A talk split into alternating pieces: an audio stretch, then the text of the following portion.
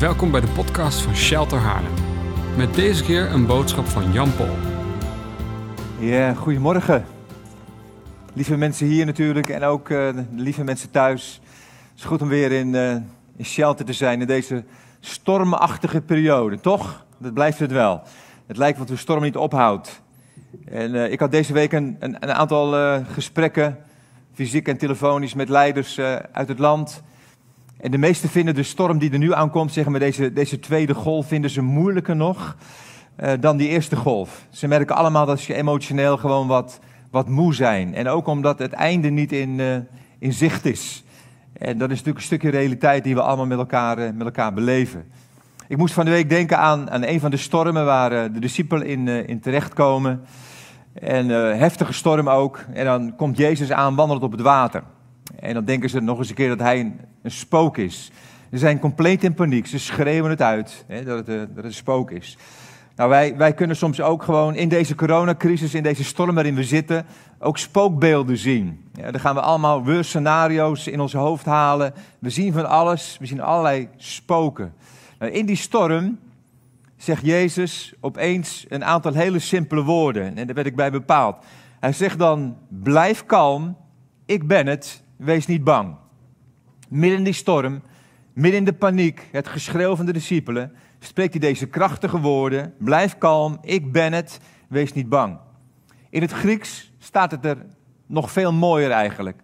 Er wordt één woordje weggelaten en door het weglaten van het ene woordje ja, gaat dat veel meer leven. Dat ga ik jullie even uitleggen. Letterlijk staat er: Blijf kalm, ik ben. Wees niet bang. Ik ben, dat is wat Jezus zegt. Dat deed me terugdenken aan de woorden van, van, van God naar Mozes toe. Als Mozes ook ja, het niet weet waar hij het zoeken moet. God roept hem om een volk te bevrijden. En hij begint zeg maar te zeggen van, maar wie ben ik en hoe is dat ooit mogelijk?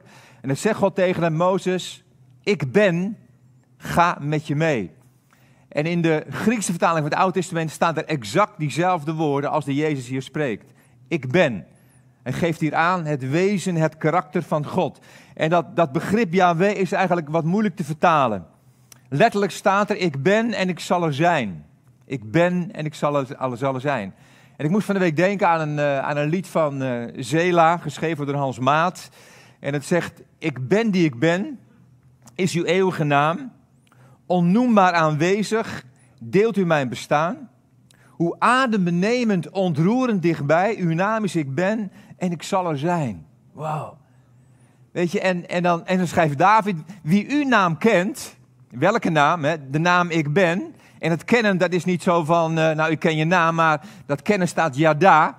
Wie u intiem kent, wie uw karakter, wie uw wezen kent, zegt er dan, die kan op u vertrouwen. Weet je, en dat kunnen we in deze situatie. Waar ook doorheen gaat, weet je, waar ook tegenop ziet. Misschien word je economisch geraakt, staat je baan op het spel of is je bedrijf in een crisis gekomen. Misschien heb je problemen met je gezondheid of maak je zorgen om de gezondheid van je, van je opa en oma, je vader en moeder of een, of een kind in het gezin die in een risico uh, zeg maar, groep verkeert. En God zegt tegen jou op dit moment, ik ben. En daarmee zegt hij alles. Ik ben er voor jou. Ik zal er zijn voor jou, waar je ook uiteindelijk doorheen gaat. Nou, dat even als, als een stukje inleiding. En dan wil ik wat doorgaan op dat begrip ik ben. Dat is interessant. In Johannes-evangelie doet Jezus namelijk zeven uitspraken over het begrip ik ben. Hij zegt, ik ben het brood des levens. En in elk van die uitspraken laat hij een stukje van zijn wezen, van zijn karakter zien. Ik ben het brood des levens. Ik zal er geestelijk voor je zijn. Ik zal je, je geestelijke honger zal ik stillen, is wat hij daar zegt. Ik ben het licht van de wereld. Als het donker in je leven wordt, ja, zal ik daar weer licht ontsteken. Ik ben de deur. Als jij geen uitweg meer ziet, zal ik weer een opening maken. Zal ik een deur openen voor jou naar een andere tijd. Ik ben de goede herder. Ik zal er zijn als je wordt aangevallen. Ja, het is zelfs zo dat ik bereid ben om mijn leven te geven voor jou. Dat heb ik al gedaan. Om voor jou je vijanden uiteindelijk te verslaan. Ik ben de goede herder. Ik ben de opstanding en het leven. Weet je, als er dingen zijn in je leven die gestorven zijn, bepaalde dromen die je had. Die zijn gestorven. Relaties zijn misschien uitgestorven. Maar God zegt, ik ben de opstanding en het leven. Ik kan nieuw leven brengen in hetgene wat dood is. Ik ben de ware wijnstok, zegt hij. Je, al ga je door een onvruchtbare periode heen, vertrouw op mij. Als je met mij verbonden blijft, dan zul je uiteindelijk weer vrucht dragen in je leven. Nou, het gaat mij uiteindelijk om de laatste uitspraak. Hij zegt, ik ben de weg, de waarheid en het leven. Jezus zegt hier, ik ben de waarheid. Ik ben de waarheid. Het was in de maand uh, juli, de eerste week van juli, dat ik moest spreken in een gemeente in Amsterdam. En uh, mijn preek was, was op zaterdag uh, was klaar, ik was er heel tevreden over. Ik had een punt gezet zaterdagavond. En zondagochtend om een uur of half zes word ik wakker. En met maar één gedachte. En die gedachte was, was, was gewoon een innerlijke stem die continu zei, wat is waarheid? Wat is waarheid? En dat liet me niet los. En ik bleef wat woelen en ik kon de slaap niet vatten, dus ik ben uit mijn bed gegaan. En ik kreeg het idee dat, dat, dat God me een boodschap gaf, een preek gaf. En uh, die preek die heb ik toen ook gehouden in die, uh, in die gemeente. Ik heb die ochtend een, een, nieuwe preek gemaakt. En ik heb in een aantal gemeentes op dit moment in Nederland deze, deze preek gebracht. En Stefan vroeg me met name, Jan, die had gehoord van deze boodschap, zou je deze boodschap ook in shelter willen, willen brengen? En uh, nou, daarvoor gaan we naar, naar een, stuk gaan we lezen uit, uh, moet ik even kijken hoor, uit Johannes hoofdstuk 18. Johannes hoofdstuk 18. Paul, nu ben je weer bij hè? Ik begon even anders als dat ik, uh, dat had je wel door hè? Ja. Goed, Jezus die wordt meegenomen voor een verhoor met Pilatus. Hij is gevangen genomen door toedoen van de fariseërs. De fariseërs hadden een complot met elkaar bedacht. En het woordje complot zul je nog een aantal keren terug horen deze ochtend. Ze hadden een complot met elkaar bedacht. Ze hadden Judas, een van zijn teamleden, ook betrokken in dat complot. Judas had hem verraden en uiteindelijk werd het door allerlei fake nieuws en de hoax, waar Jezus van beschuldigd werd, werd hij uiteindelijk voor Pilatus gesteld. En Pilatus gaat hem verhoren en dan zegt Jezus op een bepaald moment dit tegen Pilatus. Vers 18, nee vers 37. Ik ben koning. Met geen andere bestemming ben ik geboren en in de wereld gekomen dan om te getuigen van de waarheid. En iedereen die uit de waarheid is, luistert naar mijn stem. Waarheid, zei Pilatus, wat is waarheid? Wat is waarheid? Ik ga een aantal dingen voorlezen en dan mag jij na afloop zeggen wat de waarheid is. Daar komt hij.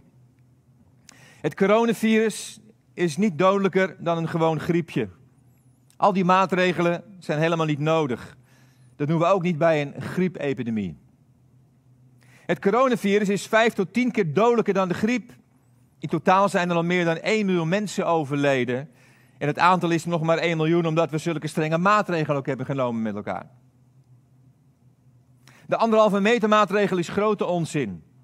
De zogeheten superspreader events, waarbij één persoon veel anderen besmet, dat is de belangrijkste aanjager voor de epidemie.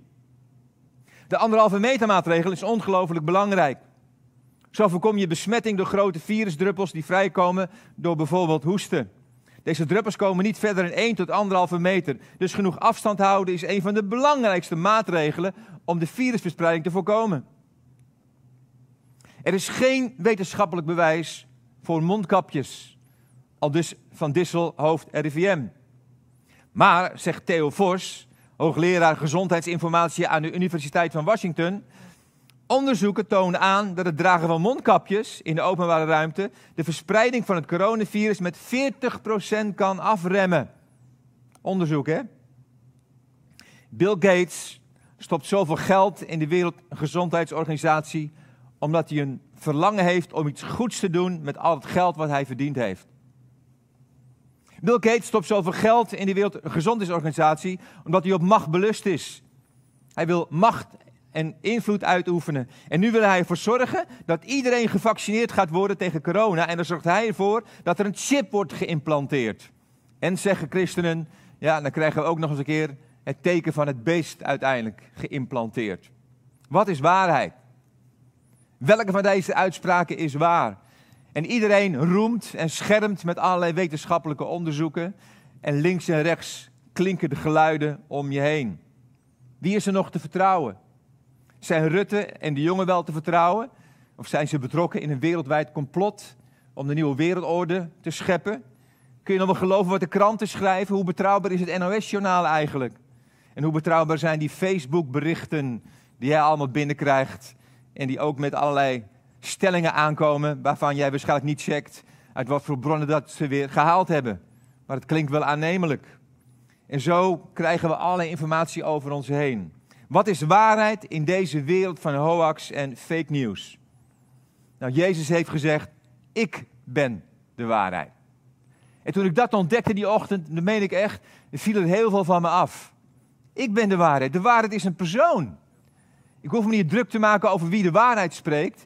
Ja? Ik weet wie de waarheid is. Die waarheid is de persoon. Die persoon is uiteindelijk Jezus. Als we willen weten wat de waarheid is, zullen we dus heel dicht bij die persoon moeten blijven. In connectie, in intimiteit, in verbondenheid met die persoon moeten zijn. Juist in deze verwarrende, onrustige, onzekere tijd zullen we dicht bij Jezus moeten blijven. In de tijd waarin je niet meer weet wie of wat je kan vertrouwen, in de tijd waarin je niet meer weet wat wel of niet waar is, moeten we ervoor zorgen dat we in diepe verbondenheid met Jezus blijven wandelen. En in diepe verbondenheid met Jezus, weet je, dan zal er altijd uiteindelijk rust in je leven zijn, toch of niet? Dan zal er ontspanning zijn. Dan zal er de zekerheid zijn dat ik ben, ja, die waarheid is, ik ben de waarheid. Hij zal uiteindelijk altijd voor ons zorgen en we zullen hier weer met elkaar goed uitkomen. Nou, als je in die verbondenheid met Jezus leeft, dan gaat er wat gebeuren. En dat is iets wat ik een beetje mis, nou, wat ik heel erg mis onder heel veel christenen op dit moment. Er worden complete ruzies worden er uitgevochten op de sociale media onder christenen, echt waar. Je wil niet weten waar, waarvan mensen elkaar allemaal beschuldigen en wat ze elkaar toeroepen. Tenen krommend, echt waar, tenen krommend. En wat zegt Jezus? Als wij in verbondenheid met Hem leven, als wij in verbondenheid met de waarheid wandelen, wat staat er dan? Wie met mij verbonden blijft, draagt rijkelijk vrucht. En wat is die vrucht? Nou, die vrucht wordt in Galaten 5, vers 22 wordt die omschreven. Dat ken je uit je hoofd natuurlijk ondertussen. De vrucht van de geest is liefde. Dan zeggen de meeste theologen dat dat de vrucht is en al het andere wat erna komt is een uitwerking van die ene vrucht. Dat zijn zeg maar stukjes van die vrucht. Dat zegt ook de Passion vertaling. But the fruit produced by the Holy Spirit within you is divine love in all its varied expressions. Dus die liefde, die vindt zijn expressie op allerlei manieren. Op wat voor manier? Nou, dan komt die vreugde, vrede, geduld, vriendelijkheid, goedheid, geloof, zachtmoedigheid, zelfbeheersing. Dat is de vrucht die wij christenen op dit moment zouden moeten laten zien. Wij zouden de meest liefdevolle, vriendelijke, rustige, toch vertrouwende, uh, gedisciplineerde mensen moeten zijn hier op deze aarde. Wij zouden als geen ander op dit moment de liefde van God moeten laten zien aan mensen om ons heen. En dat is ook, geloof ik, de boodschap die de mensen nodig hebben. Deze wereld heeft liefde nodig. Jezus is de waarheid en die waarheid is liefde. En met die liefde kunnen wij de wereld beïnvloeden. In 1 Corinthië 13 zegt dit over die liefde. Een aantal eruit, hè? Dat ze geduldig is en vriendelijk. Dat ze de ander niet beledigt. Nou, ga maar eens naar Facebook. Ja, ik ga geen namen noemen. Maar hoe onderling dingen worden uitgevochten. En hier staat, liefde die beledigt de ander niet. Dat ze zich niet kwaad laat maken. Wow, liefde laat zich niet kwaad maken. En deze, en daar gaan we bij stilstaan. Dat ze altijd blijft vertrouwen. Liefde heeft altijd vertrouwen. En wat hoor ik om me heen? Alleen maar wantrouwen en achterdocht. Continu wordt het zaad van wantrouwen en achterdocht gezaaid in mensen. En ook in christenen. En dat is niet een vrucht van de geest, dat is een vrucht uit het rijk der duisternis. Amen? Wantrouwen, achterdocht is een vrucht uit het rijk der duisternis en niet uit het rijk van God uiteindelijk. liefde staat tegenover wantrouwen en achterdocht. De sociale media, daar wordt heel veel gepost, gepost over complottheorieën. Ook door christenen. En dan zeg ik ja, dat is voor mij geen openbaring hoor. Natuurlijk is er een groot complot gaande. Al duizenden jaren. Er is niets nieuws onder de zon. Toch? Er is een complot gaande. De duivel wil maar één ding: Gods schepping kapot maken. En wie is het, de kroon van zijn schepping? Ja, dat is de mens. Dus wat wil hij? De mens wil hij vernietigen. Hij is gekomen, hè? de dief staat er, om te verdelgen, om kapot te maken, om te vernietigen. Dus ja, complottheorie, daar ben ik met ze eens. Alleen ze maken een grote vergissing. Ja, ze zoeken naar natuurlijke vijanden. Maar Jezus zegt: We hebben geen strijd te strijden tegen vlees en bloed. Maar wij hebben een strijd in de hemelse gewesten. Maar zoveel christenen strijden nu een strijd van vlees en bloed. Ze zien natuurlijke vijanden. En natuurlijke hè, eh, mensen die betrokken zijn in hun ogen in een complot uiteindelijk. En die moeten we met elkaar bestrijden. Ze schrijven haatvolle dingen over Bill Gates, over Rutte, over de jongen. Die zijn allemaal betrokken in één heel groot complot. Ze zijn bezig met een nieuwe wereldorde. Ik had een gesprek, dat was al in, uh, in, uh, in april, met een aantal voorgangers, telefonisch. Die me opbelden en die ongerust waren. En die pleiten bij mij om een om dag te organiseren met christelijke leiders uit het land om daar met elkaar over te praten. Nou, hun pleidooi was, Jan, er is een groot wereldwijd complot op dit moment bezig. En daar moeten we de christenen voor waarschuwen. En ik zei tegen deze leider, joh, het spijt me, maar dat zie ik nog niet. Ja, ik zie het niet voor me. En hij begon mij, hij probeerde mij te overtuigen van het feit dat hij gelijk had. En ik zeg, joh, ik geloof het nog steeds niet. Dan zei hij tegen mij, maar Jan, stel je nou voor dat ik wel gelijk heb. Toen zei ik tegen hem, ja, maar stel je nou voor dat ik gelijk heb. Ik als ik gelijk heb, en er helemaal, helemaal geen sprake is van een complot, dat Rutte en al die anderen die jij beschuldigt niet bezig met een complot, dan heb jij ten onrechte mensen aan het kruis genageld. Amen? Dan heb jij mensen veroordeeld, waarvan later bleek dat het niet waar was. En als dat wel waar is, zo wat, zei ik tegen hem. Moet mijn gedrag dan veranderen? Moet ik dan natuurlijke vijanden gaan zoeken? Moet ik ze bestrijden? Nee, ook als jij gelijk hebt, zei ik tegen hem, dan wil ik doen wat Jezus deed. Hoe Jezus omging met mensen die bezig waren met een complot. En hoe ging Jezus om met mensen die bezig waren met een complot? Hoe ging Jezus om met Judas? Die zat in zijn eigen team hoor. En hij wist al lang dat hij hem zou verraden. Hij wist al lang dat hij betrokken was in een complot. Wat deed hij? Even goed nog zijn voeten wassen. Hij betrok hem er nog steeds in. En het moment eh, in Hof van Gethsemane, als, als Judas voorop gaat, de farisees achter hem aan. Hij zou hè, Jezus aanwijzen, door middel van een kus zou hij hem verraden. Hij loopt hem, geeft hem een kus. Wat zegt Jezus? Jij verrader. Hoe kun je dat doen, Judas? Jij complot, uh, weet ik wat. Wat zegt hij tegen hem? Heb je wel eens gelezen? Weet je wat hij zegt? Vriend. In het Grieks staat er een woord wat eigenlijk betekent maatje, buddy. Wow. Jezus bleef lief hebben tot het einde toe. Er kwam geen verkeerd woord van zijn lippen. Hij heeft nooit zijn medediscipelen gewaarschuwd voor Judas. Jongens, pas op voor Judas hoor. Hij heeft nooit wantrouwen, achterdocht gezaaid. Hij heeft liefde, is hij blijven zaaien. Continu om zich heen. Dat is wat Jezus deed. Jezus bleef lief hebben, ondanks de verschrikkelijke mishandelingen. Op een paar moment deden ze een, een doek om zijn hoofd dat niet meer kon zien. En ze begonnen links en rechts begonnen ze hem te meppen. Ze hebben zijn baard gewoon eruit gescheurd. Gewoon baardharen met vel en al van zijn gezicht gescheurd. Ze hebben hem zweepslagen gegeven. Ze hebben hem aan een kruis genageld. En daar hangt hij dan. Zes uur lang. Met ondraaglijke pijnen. En wat doet hij? Hoe reageert hij? Met boosheid? Naar al die mensen die betrokken waren in dat complot om hem te kruisigen.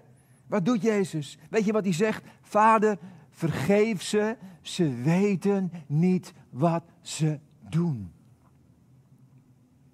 En dat zou ook onze houding moeten zijn. Ook al zou Rutte en weet ik wie betrokken in een complot, dan moeten wij die houding hebben van Jezus. Vader, vergeef ze. Wij willen Rutte juist bereiken, Heer. Vergeef hem, Heer. Hij weet niet wat hij doet. Hij weet niet waar hij mee bezig is. Nou, opnieuw, ik zie een hele andere taal onder christenen. Maar Jezus bleef liefhebben. Ze verwierpen hem, ze beledigden hem, ze sloegen hem. Maar hij kon niet anders dan liefhebben. En weet je wat hij zegt? Ik wil graag dat jij op dezelfde manier lief hebt zoals ik heb lief gehad. Dat zijn de woorden van Jezus. Ik wil dat je, zoals ik in de wereld ben gezonden, zegt hij, zo zend ik ook jou om je te gedragen op dezelfde manier. Paulus die formuleert het op een prachtige manier. Hij zegt in Efeze 5, vers 1 en 2: U bent de geliefde kinderen van God. Wees daarom zoals Hij. Leef in liefde naar het voorbeeld van Jezus. Nog een keertje. Leef in liefde naar het voorbeeld van Jezus. Uit liefde heeft hij zijn leven voor ons gegeven. Niemand kan jou tegenhouden om te blijven liefhebben. Dat is de grootste vrijheid die wij hebben ontvangen. Wist je dat? We kunnen het in alle tijden liefhebben. Ze kunnen op je schelden, ze kunnen je reputatie vernietigen, ze kunnen je belasteren, ze kunnen je onrecht aandoen, ze kunnen je verhinderen om samen te komen, ze kunnen je verhinderen om te zingen, maar ze kunnen je niet verhinderen om lief te hebben. Niemand kan mij tegenhouden om lief te hebben. Ja, dat is het krachtigste middel wat er bestaat. Ja, maar misschien jammer, dat is toch onmogelijk om lief te hebben zoals Jezus heeft lief gehad? Ja, inderdaad, dat is onmogelijk. Daarom zegt Jezus ook, blijf met mij verbonden. Daar komt hij. Ja. Alleen wie met mij verbonden blijft, zoals ik met hem, draagt rijkelijk vrucht. Want los van mij kunnen jullie niets. Dus we hoeven maar één ding te doen. Verbonden blijven met Jezus. Verbonden blijven met de persoon die waarheid verpersonificeert. Dus Jezus is de waarheid. Maar er is meer wat waarheid is. In het hoogpriestelijk gebed bidt Jezus het volgende. Hij zegt, Heer, heilig hen door uw waarheid. Uw woord is de waarheid. Johannes 17, vers 17. Dus Jezus zegt, ik ben de waarheid, maar ook het woord van God en de woorden die ik gesproken heb zijn waarheid. Dus als je vraagt aan mij, Jan, wat is waarheid? Gods woord is de waarheid. De Bijbel bevat de waarheid van God. Hoe belangrijk is die Bijbel voor jou? Waar vul jij de afgelopen tijd je denken mee? Wordt je denken gevuld met de sociale media en met alle meningen die daar gevormd worden? Laat je daardoor beïnvloeden? Of laat jij je beïnvloeden uiteindelijk door het woord van God? Nou, ik heb in mijn leven een belangrijke les geleerd. Als ik ergens mee zit, als er een situatie in mijn leven is, dan wil ik graag weten, wat vraagt de Bijbel nu van mij? En als eerste kijk ik dan, wat heeft Jezus erover gezegd? Dat is voor mij het belangrijkste. Wat heeft Jezus persoonlijk gezegd of gedaan in dezelfde situatie als waar ik gekomen ben? En daarna, wat, wat, wat, schrijft Paulus of Petrus over die dingen waar ik nu doorheen ga? Is, is, is dat een logische stap? Lijkt me wel, hè? Dus je zit in een situatie en je kijkt, wat heeft Jezus erover gezegd? En wat heeft Paulus en Petrus erover gezegd? Dat lijkt me een logische reactie. Ja, dat is wat ik graag wil ontdekken. Nou, we zitten nu in een, in een situatie met corona. En ik zal even heel eerlijk zijn. Ik ben het niet altijd met de overheid eens. Ik ben het vaak ongelooflijk niet eens met de overheid. Dus dan weet je dat. Daar ben ik heel eerlijk in. Ja, ik kan ze soms niet volgen in de besluiten die ze nemen. Nou, dan denk ik, oké heer, wat moet ik doen? Dan ga ik eens even kijken, wat heeft Jezus hierover gezegd? Hoe is die met de overheid omgegaan? Hoe moet mijn houding zijn? Moet ik protesteren? Moet ik demonstreren? Moet ik me verzetten? Toen Jezus op aarde was, werd Israël onderdrukt door de Romeinse overheid. En ik kan je vertellen, dat was absoluut geen prettige overheid. Die onderdrukte de Joden. Die legde ze zware lasten op. Ja, er, werden, er werden zware belastingen op de Joden werden er gelegd. Nergens in het Nieuwe Testament. Ook niet in elke brief die je leest. Ik durf de uitdaging met je aan te gaan. Wordt er iets gezegd over het feit dat wij ons moeten verzetten tegen de overheid? No way. Jezus zegt er geen woord over. Als ze komen, ja, je moet je voorstellen, ze worden met, met enorme belastingen afgeperst. Hè? En dan zeggen een aantal discipelen, maar moeten we wel belastinggeld betalen? Hè? Zo van aan die corrupt, corrupte overheid. En jij zegt, eh, wat, staat er op, uh, op dat muntstuk? De hoofd van de keizer. Oh, ja, betaal degene die die belasting toekomt. Zo van jongens. Ja, hij kwam nooit in verzet. Hij kwam nooit in verzet. Nou, in die tijd was er iets aan de hand. Dus de, de, de Romeinen mochten allerlei hele rare zeg maar, dingen doen. Er waren maatregelen genomen ten ongunste van de Joden. Een van die maatregelen was dat als een Joods soldaat, of een, eh, een eh, Romeins soldaat zeg maar, jou tegenkwam, ik kom Walfried tegen, en ik besluit, Walfried, jij moet nu mijn plunjezak moet je dragen. Waar Walfried ook mee bezig is, hij moet ogenblikkelijk al zijn werk moet hij neerleggen en deze maatregelen opvolgen. Dus ik geef hem mijn zware plunjezak, die moet hij dragen. Ja, vervolgens loop ik ernaast met mijn trosje druiven, met een glimlach. En een beetje vernederend kijken naar Walfried die daar loopt te zweten en mijn plunjezak loopt te dragen. Dan was in die maatregel gelegd, zoals wij de anderhalve meter maatregel hebben, er is wel een grens aan gebonden, één mijl. Eén mijl. Dus één mijl moest je dat doen. Kon je niet weigeren. Dus Walfried kan, of ik kan, ja jij, jij draagt mijn plunjezak. Hoe hadden we het nou gedaan? Ja, ja oké. Ja, natuurlijk draag jij mijn plunjezak. Ik ga jouw plunjezak echt niet dragen. Na een mijl mocht Walfried daarmee stoppen. Nou, dan kan je twee dingen doen. Je kunt die plunjezak zo hard op de grond laten vallen in de hoop dat er iets breekbaars in zat en het stuk zou gaan. En weet je wat Jezus zegt?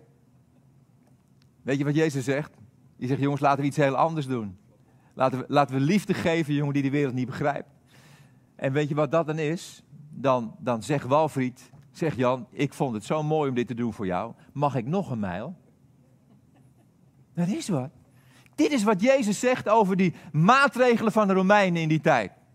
Moeten we ons eraan houden? Ja, zegt hij. Je moet je er ja, op een extreme manier aan houden. Als iemand een mijl van je, van je vraagt, doe er uiteindelijk twee mijl. Ja, Jan, dat is belachelijk. Ja, dat is het ook. Daarom zijn wij christenen, toch? Wij zijn belachelijk, wij zijn dwaas. Het koninkrijk van God is krankzinnig, echt waar. De principes van het koninkrijk zet alles op zijn kop. En wij kunnen nu juist die principes van Gods koninkrijk met elkaar toepassen. Er is een hemelsbreed verschil tussen christenen en niet-christenen. En als ik nu kijk naar de sociale media, zie ik dat verschil niet meer. Ik zie geen verschil tussen christenen en niet-christenen. Ik zie die houding niet bij christenen. Nou, Petrus kreeg het onderwijs van Jezus uit eerste hand. Die heeft deze woorden gehoord. Dat was in de bergreden. Die heeft gehoord wat Jezus zei over de overheid. Die heeft gezien hoe Jezus omging met de overheid. Laten we eens kijken wat hij zegt over hoe ons moet gedragen. En Petrus leefde in omstandigheid die nog erger was als ten tijde van Jezus. Hij leefde echt in een afschuwelijke tijd. We gaan met elkaar lezen iets uit het tweede hoofdstuk van zijn eerste brief. De context. Hou je vast. Paulus, of uh, Petrus, schrijft aan christenen die leden onder een barbaarse keizer, keizer Nero. Christenen hadden het ontzettend moeilijk. Ze werden in amfitheaters gegooid voor de leeuwen, waar ze werden opgevreten. Als er een tuinfeest werd georganiseerd, er werden allerlei christenen werden opgepakt. Die werden met pek en teer werden ze ingesmeerd, in de fik gestoken en als tuinverlichting gebruikt. Wat een gruwelijkheden, hè? Wat een gruwelijkheden. Een barbaarse overheid. Een geweldige onderdrukking. En Peter schrijft een brief aan christenen die lijden onder die barbaarse overheersing. In die hele brief en ook zijn tweede brief lees je niets, maar ook niets verkeerds over de overheid of over keizer Nero. Helemaal niets. Geen letter. Helemaal niets. Hij schrijft wel wat anders. Hij schrijft niet: kom in verzet, jongens. Demonstreer. Nee. Hij verkondigt een waarheid. Een waarheid die geleerd heeft van zijn meester, van Jezus. Hij zegt in hoofdstuk 2, vers 13: Erken, en dit is heel belangrijk wat erbij staat, omwille van de Heer, staat erbij. Als je dat weghaalt, wordt het een heel andere zin. Erken omwille van de Heer. Doe het voor God. Want God heeft er een plan mee. God heeft een bedoeling. God wil zijn koninkrijk hier op aarde brengen. En jij bent een instrument om het koninkrijk te brengen. Dus doe het. Erken omwille van de Heer het gezag van de bestuurders die door de mensen zijn aangesteld.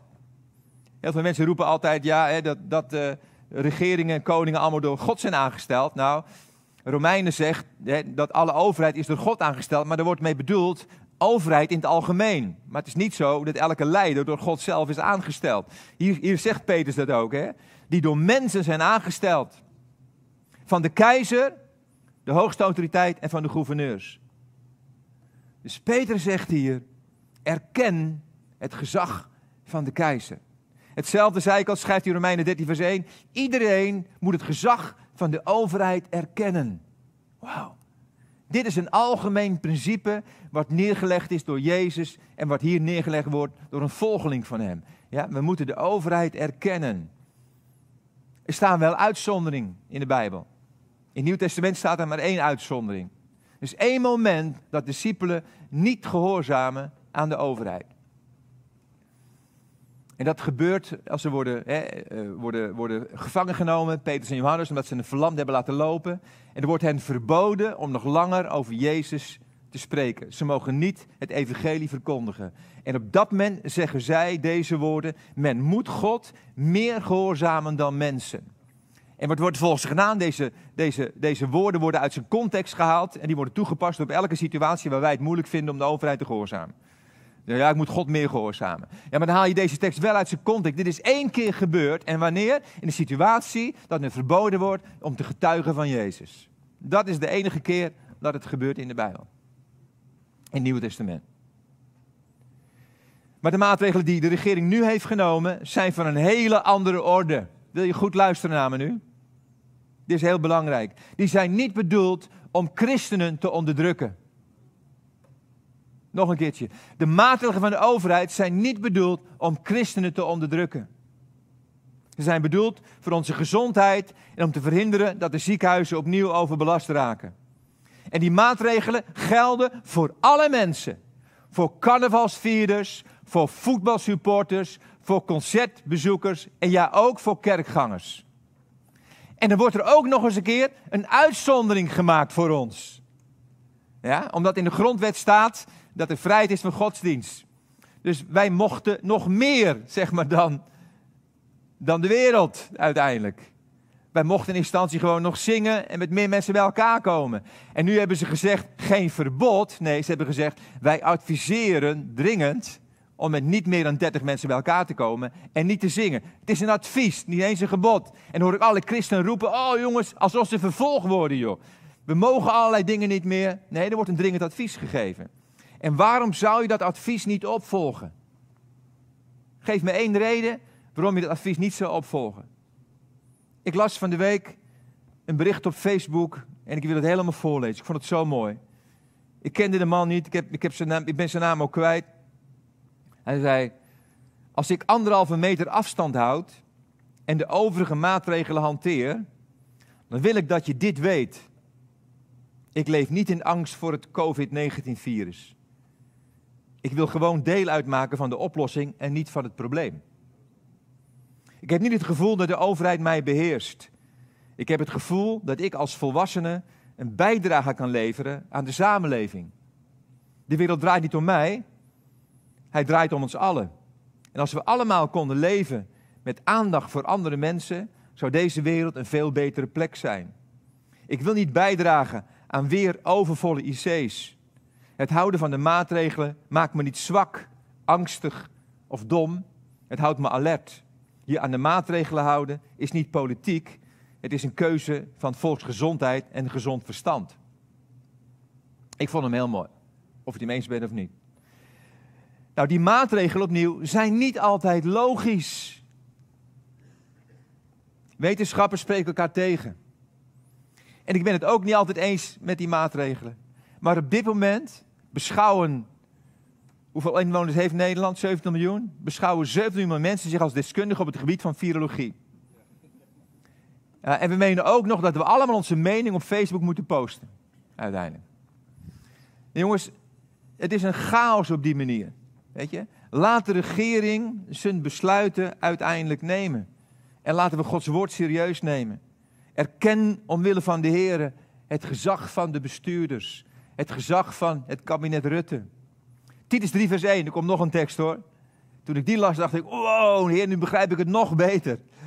Dat was ik van, uh, uh, gisteren was ik daarmee bezig. Herinner allen eraan, en dat doe ik nu. Degenen die hier zitten, die thuis zitten, die later kijken. Ik herinner je eraan dat ze overheid en gezag moeten erkennen en gehoorzaam moeten zijn. Dat is een derde tekst. Ja, overheid en gezag erkennen en gehoorzaam moeten zijn. Bereid staat er dan om altijd het goede te doen. Hé, hey, hier, komt iets anders. We zullen zo meteen zien waarom. Het goede doen. Dat ze van niemand mogen kwaad spreken. Wow, niet kwaad spreken. Vredelievend en vriendelijk moeten zijn en zich tegenover iedereen zachtmoedig moeten gedragen. Hij is scherp hoor, vind ik. Hij is confronterend. Jo, erken gehoorzaam de overheid en in je gedrag spreek geen kwaad. Wees vredelievend, wees vriendelijk en je moet, ja, wees zachtmoedig in alle opzichten. Nou, Paulus doet ook zo'n appel dus hier op ons gedrag. Hij zegt, laat door je gedrag zien dat je totaal anders bent. En terug naar die Petersbrief, en daar eindig ik dan mee. Daar zegt Petrus, leid te midden, in die context van je ontwerp aan het gezag, hè, leid te midden van de ongelovigen een goed leven. En de Willybrod zegt een voorbeeldig leven. En dan komt hij, dan zullen zij, die u nu als boosdoeners belasteren, door uw goede werken tot inzicht komen en God verheerlijken. Wow. Dus, dus wat, Paulus hier zegt en wat Petrus, Petrus hier zegt, jongens, door dat te doen, door dat gedrag, door je te onderwerpen, verheerlijk je uiteindelijk God. Je brengt iets van zijn koninkrijk hier op aarde. Dat is wat je doet. Je laat de vrucht van de geest zien hier op aarde. Dus we hebben een doel met ons mooie gedrag. We doen niet zomaar die tweede mijl. Nee, we doen die tweede mijl uiteindelijk omdat het mensen confronteert met de liefde van God. Ik heb het verhaal hier wel eens eerder verteld. Ik zal een van de twee vertellen. In de Tweede Wereldoorlog, vlak daarvoor, was er een Franse aannemer. Hij had een mooi bedrijf. En uh, hij kon s'nachts niet slapen. Lag woelen. En of zes dacht hij, nou weet je, ik ga maar even een wandeling maken met mijn hond. Dus zes uur s ochtends loopt hij wat te wandelen. Een kilometer verderop is zijn bedrijf, een aannemersbedrijf. En terwijl hij daar naartoe loopt, ziet hij dat, dat er een vrachtwagen voor staat. En dat twee mannen bezig zijn om allemaal hout in te laden die vrachtauto. Hij schrikt zich rot. Ik denk, wat moet ik? Nou, ik zou terug naar huis gegaan zijn en de politie eh, hebben gebeld. In die tijd had je nog geen mobiel. Of ik zou een stok gepakt hebben en uh, misschien, uh, maar ik ben niet zo sterk, maar Walfiet zou een stok gepakt hebben en ze bestormd hebben. Maar deze man liep daar vriendelijk heen en, en zei, en toen, toen hij zag dat ze even schrokken, ze dachten, oh, er komt iemand aan. En zei, oh, jullie zijn nog laat aan het werk. Toen dachten ze, hé, hey, hij heeft het niet in de gaten. Ja, dat zijn we inderdaad. We hebben een belangrijke klus morgen en we moesten nog hout inladen. Hij zei, joh, ik vind het wel leuk om een handje te helpen. Vinden jullie het goed? Nou ja, ze dachten, we kunnen niet weigeren. Dus hij ging helpen met het hout. Toen ze een tijdje bezig waren, zei hij van, waar hebben jullie het hout eigenlijk voor nodig? Nou, ze vertelden wat voor klus ze hadden. Hij zegt, joh, dan moet je dit hout niet hebben. Moet je even meekomen naar de werkplaats. En hij nam ze mee naar een andere plek en zei, dit hout is zo goed, dat moet je gebruiken. Ze keken hem aan en zeiden, joh, jij hebt verstand van. Jij zegt, ik ben eigenaar van dit bedrijf. Waar gebeurt, hè? Ze deinsde terug. Ze wilde wegrennen. Nee, stop, zegt hij. En toen begon hij uit te leggen, ik ben een christen. Jullie mogen altijd hout, mogen jullie hebben. Maar willen jullie even naar me luisteren? Hij begon het evangelie van Jezus te vertellen aan deze mensen. En alle twee zijn ze tot bekering gekomen. En de geschiedenis vermeldt dat een van die twee later het oudste is geworden in een Pinkstergemeente. Ja? Dat is wat Jezus bedoelt. Ja, dat ons gedrag totaal anders moet zijn dan die van de wereld. Waarom? Wij hebben een doel. Dat is Gods koninkrijk brengen bij mensen. We hebben geen, niet het doel om ons gelijk te halen. Ik hoor niet alle mensen. Ja, het is grondrecht. Ja, wat is het resultaat van het feit dat jij zegt: Het is mijn grondrecht ja, dat ik mag zingen en dat ik samen mag komen? Het is mijn grondrecht. Ja, fijn. Maar wat doet dat op dat moment in, bij andere mensen? Voor die voetbalsupporter, en je moet me goed begrijpen, is het net zo belangrijk als het voor jou is om naar de kerk te gaan, om naar het voetbalstadion te gaan. Begrijp je dat? Dat is zijn kerkdienst. Dat wordt hem onthouden. Hij mag niet meer juichen, hij mag niet meer zingen, hij mag niet samenkomen. Voor die concertbezoeker, dat is zijn kerkbezoek. Ja. Wij verklaren ons gewoon solidair door te zeggen, we houden ons aan de regels. En, en, wij, wij, zingen ook niet. Daarmee laten we zien aan de wereld, jullie moeten nu door pijn heen. Ja, wij verklaren ons solidair. Wat doet dat bij ze? Dan zullen ze denken, wow, wat een fantastische mensen zeggen. Of, of, dat, of dat we star zeggen en we houden ons niet aan die 30, nee, het maximale doen we, we gaan opnieuw zingen met elkaar.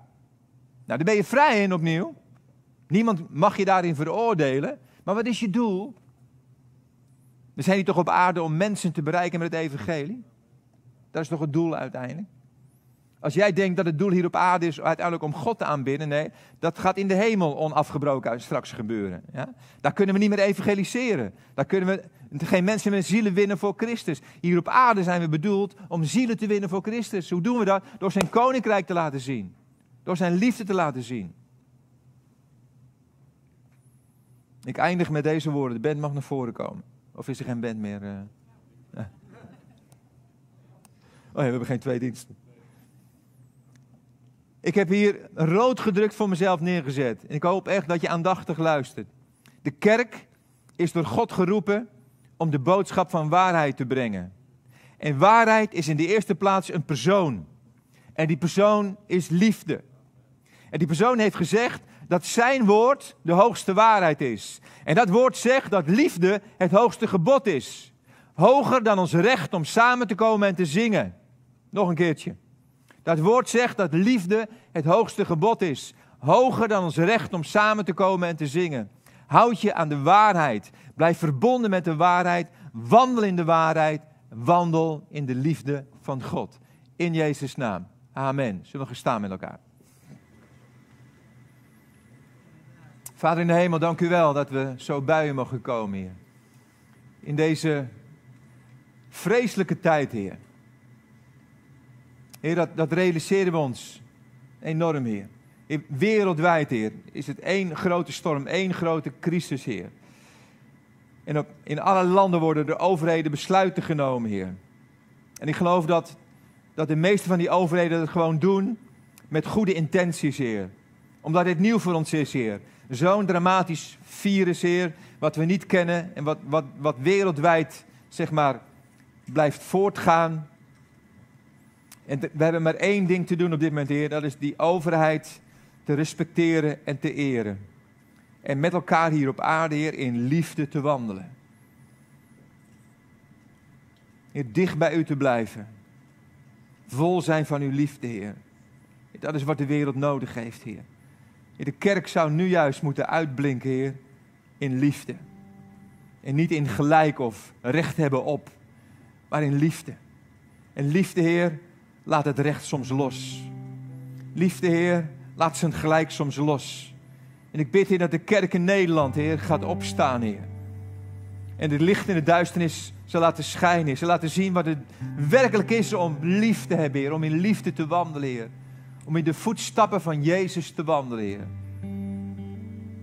En ons hier op een uitzonderlijke manier te gedragen, Heer.